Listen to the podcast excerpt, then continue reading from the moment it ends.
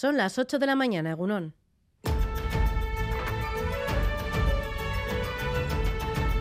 Crónica de Euskadi con Irache Martínez.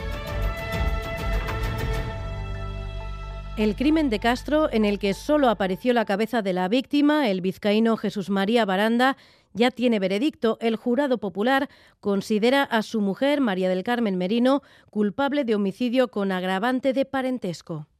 Creemos que los hechos ejecutados, con ocho votos probados y uno no probado, causaron la muerte de Jesús María Baranda debido a los siguientes indicios, además de los indicios manifestados en el punto número 2 y las huellas encontradas en las bolsas del paquete que entregó a Carmen Mendoza, en cuyo interior apareció el cráneo. Añadimos el hecho de que se produjese la búsqueda de cómo desatascar una motosierra desde su ordenador el 26 de febrero, cuando según ella Jesús se encontraba de viaje y manifiesta que no, que no llegó a usar.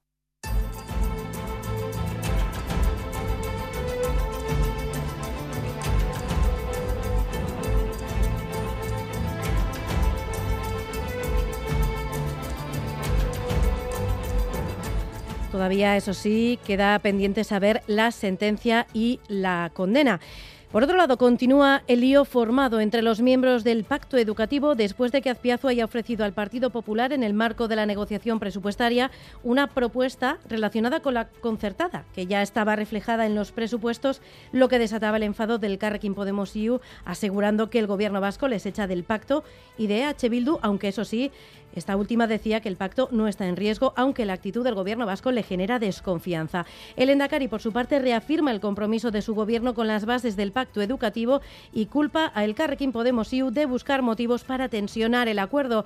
El PP, por su parte, reprocha que se les haya ofrecido algo que ya estaba incluido en las cuentas. Escuchamos al Endacari Ñigo Urcuyu y a Laura Garrido, Partido Popular lo que ha podido motivar una interpretación por parte del Carrequín Podemos no se ajusta a la realidad de lo que es el acuerdo de las bases para el anteproyecto de ley de educación. Estamos absolutamente comprometidos como gobierno con lo que son esas bases. Que no vale pactar un pacto educativo con unos, decidir en un sentido y luego querer hacer un planteamiento un poco dudoso en relación a esta eh, cuestión Eta gaur da Euskaraldiaren bigarren eguna, aukeratu alduzue dagoeneko zuen rola, hau bizi, ala belarri prest?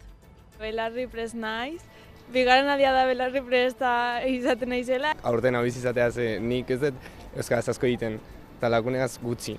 Así que aurten esan de, ba, venga, ba, aurten bai. E, Oraindik ez dut eman izena, baina izena mata pentsatu dut. Ni eskotigan ikasten nintzen e, urte batean, eta bertan ba, ohitura hartu nuen ba, parte hartzeko Y vamos ya con los deportes. John Zubieta, Egunon. Egunon, eh, se va a vestir hoy de gala para la disputa del derby femenino entre el Athletic y la Real Sociedad. Hay más de 25.000 localidades vendidas para esta cita en la que también se reivindica la igualdad, se apoya el fútbol femenino que le buscará el día. Después de este derby, mañana habrá otro, el Eibar Alavés, con todo el papel vendido para el encuentro de Ipurúa en el día en que se inicia el Mundial de Qatar. Por lo que respecta al baloncesto, derrota del Vasconia ante el Mónaco por 79-74 en la Euroliga y en la categoría femenina triunfo de la Raski en Tenerife por la mínima 61-62. En balonmano, el Anaitasuna tuteó al Barça pero cayó por 33-26 y en pelota, Olaran y López se impusieron a Arquega y Echeto en el frontón deportivo de Bilbao con motivo de la reunión de los mejores cestistas de las Winter Series y mañana la gran final del 4 y medio entre Ezcurdia y Altuna. Y repasamos ya el pronóstico del tiempo para las próximas horas. Recuerden que hasta mediodía estaremos en aviso amarillo, sobre todo en la zona de Guipúzcoa, por lluvias intensas. Euskalmet, Mayaleniza, Egunon. Egunon, hoy seguirá lloviendo. Lloverá más por la mañana y especialmente en la vertiente cantábrica y en el este de Guipúzcoa, donde los chubascos serán más abundantes y más intensos. Además, el viento del noroeste seguirá soplando con fuerza, con rachas fuertes por la mañana y las temperaturas bajarán otro poco más. En la costa las máximas rondarán los 12 grados y en el interior se quedarán en torno a los 8-10 grados. La cota de nieve todavía a primeras horas está situada en torno a los 1200 metros, pero durante el día irá subiendo. En resumen, hoy el día será frío y desapacible.